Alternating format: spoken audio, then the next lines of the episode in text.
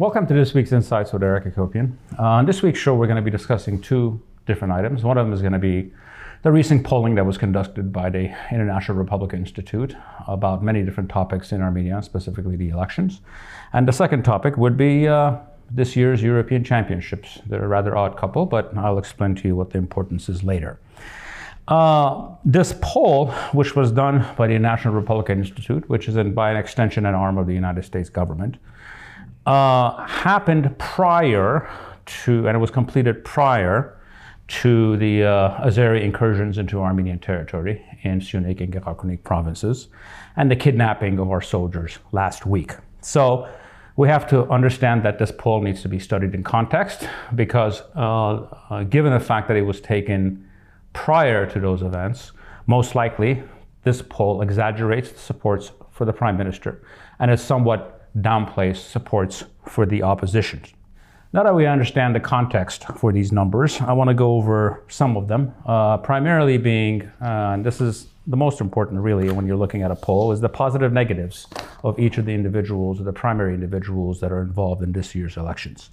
Uh, the first name on the ballot is the current Prime Minister, Nikol Pashinyan. He has an approval rating of 45 to 32. Uh, on a, in, in approval, you have four categories somewhat approve, approve, somewhat disapprove, and very disapprove.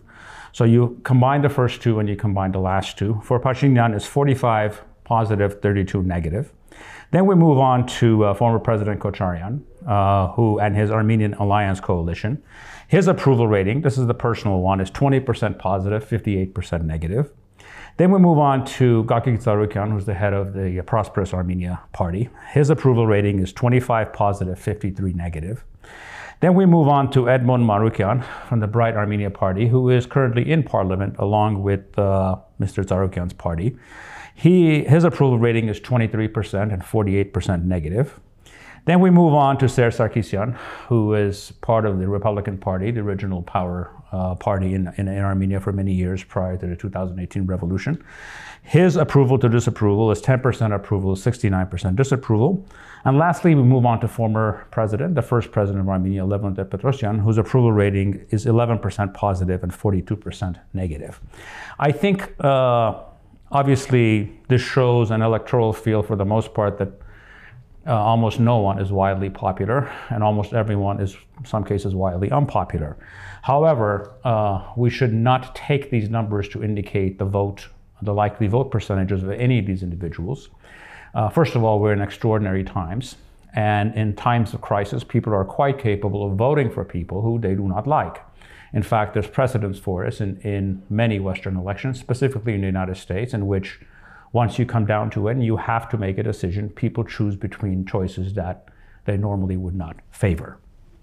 Now let's move on to the issues.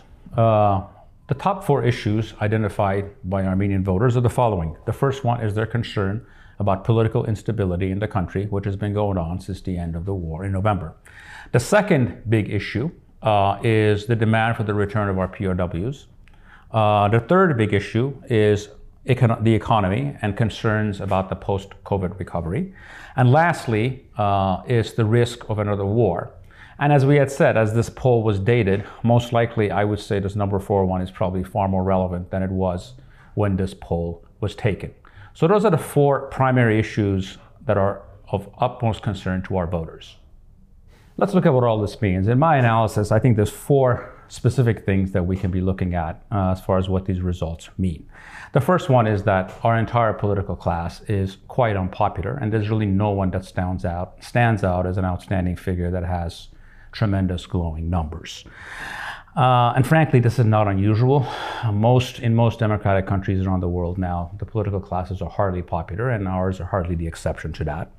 The second thing, which is very clear, is that the split between uh, the old, what I call the old regime opposition is actually hurting uh, Mr. Kocharyan uh, because it's very clear that the one party from the old opposition that's likely to get into parliament is Mr. Kocharyan's.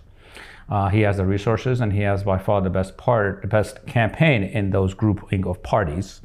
The split that he has with the base, with the old Republican Party, with with Serge Sarkisian, could actually create a situation where you're taking away votes that would have otherwise gone to Mr. Kocharyan. Uh, I would not be surprised, given the five seven percent threshold rule, that right before the election, some of these parties that are aligned with the old regime drop out to help Mr. Kocharyan consolidate his position. Because if they don't, uh, given the nature of the parliamentary system, you could have a situation in which you have multiple parties uh, that get three or four percent and don't reach the five or seven or ten seven percent threshold to enter the parliament. Uh, the, the third thing that's obvious is that what we have always discussed about the third force uh, has yet to emerge. The third force being uh, a party that is not aligned with the current government or with the former regime. That does not mean that it does not happen. In fact, there's quite a possibility that someone will emerge as the person that represents this third force. But as of right now, that has yet to happen. The fourth and most important point is if you look at these numbers, especially given this threshold issue, uh, parliamentary systems have a way of over rewarding winners, i.e., you can get 42% of the vote and 53% of the seats or you can get 30% of the votes and 38% of the seats.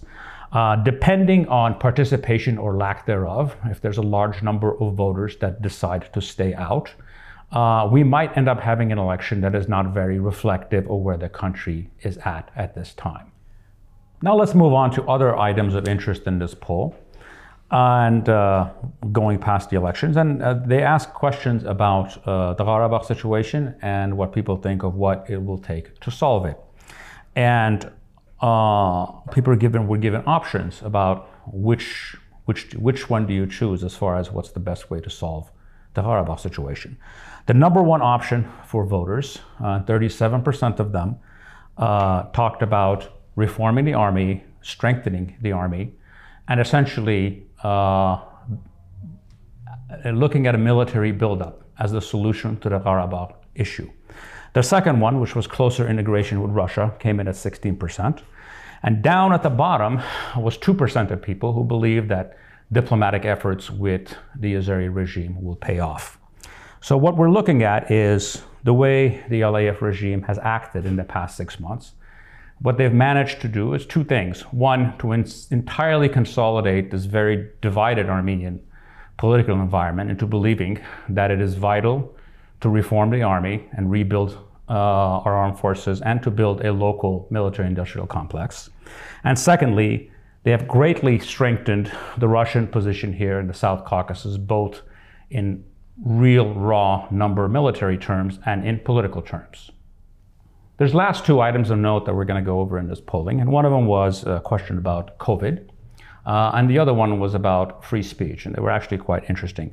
Uh, with the COVID numbers, 71% of Armenian voters said that they will refuse to be vaccinated, which, as far as I know, is probably the highest number in the world that I've seen in these similar type COVID uh, polls around the world.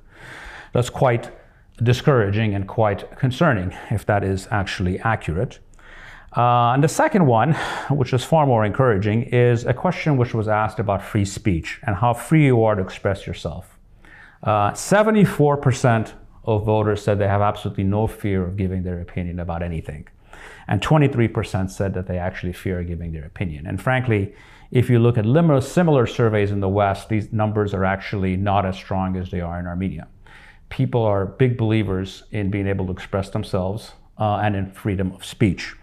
And the one thing we know is, and with rare exceptions, when countries like China, uh, to build a prosperous society, to build a functional state, you need to have freedom, and in this case, freedom of speech.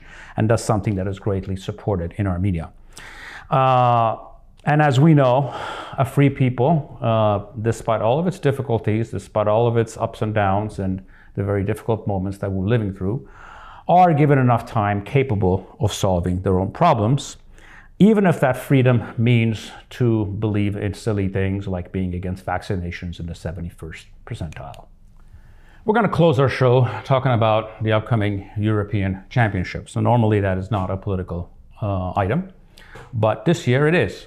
Uh, as you know, these European football championships were supposed to take place last year, but because of COVID, they were delayed until this year, very much like the Olympics. Uh, and this year, the host cities are spread all over Europe. Uh, and four of these games were scheduled to be played in Baku. Uh, and these games, which are scheduled by UEFA, the European Champion, the organizer of the European Championship Games, uh, are going to be actually played very closely to this to the hate park that was inaugurated by Ilham Aliyev a couple of months ago. Uh, the closest analogy I have to this, as far as football and corruption and uh, and politics and where they meet, was when 1978 World Cup, in which uh, the Argentine generals used the World Cup to cover up their crimes, including killing 30,000 of their countrymen in what was called the Dirty War, in which people were being tortured and killed very close to where the games were happening. Uh, as we know, uh, the one thing that the Azeri regime is very concerned about is its image abroad. Uh, they do not want the world to understand the racist, uh, oppressive, and neo fascist nature of the regime. This games give us an opportunity to raise the issue of our POWs uh, and to make the Azeri regime pay a price for them. Uh, of the four countries, there's three countries that are going to be playing their games in Baku. Uh, one of them is Wales, the other one is Switzerland. Uh, the last one is Turkey, which isn't particularly relevant to pressure on matters like this. I think we need to organize uh, campaigns by going to the UEFA site on Facebook and other places, uh, the Football Federation sites of Switzerland and Wales, and ask them and ask players to ask for these games to be moved. And this is something that will get a lot of attention. Historically, sports have been a great way for many people to make political points. This has been true since the struggle against apartheid in South Africa in the 70s and 80s, and up until the recent uh, Israeli attack on Gaza. Sports figures are listened to, they get publicity, and we need to use, uh, we need to garner their support to put pressure on the regime that you cannot be playing games in Baku while there are kidnapped people, civilians, and soldiers that are being held entirely illegally. Uh, let's get active and let's use this moment to put pressure on the regime to get our hostages back. Thank you for joining us in this week's edition of Insights with Eric Hacopian.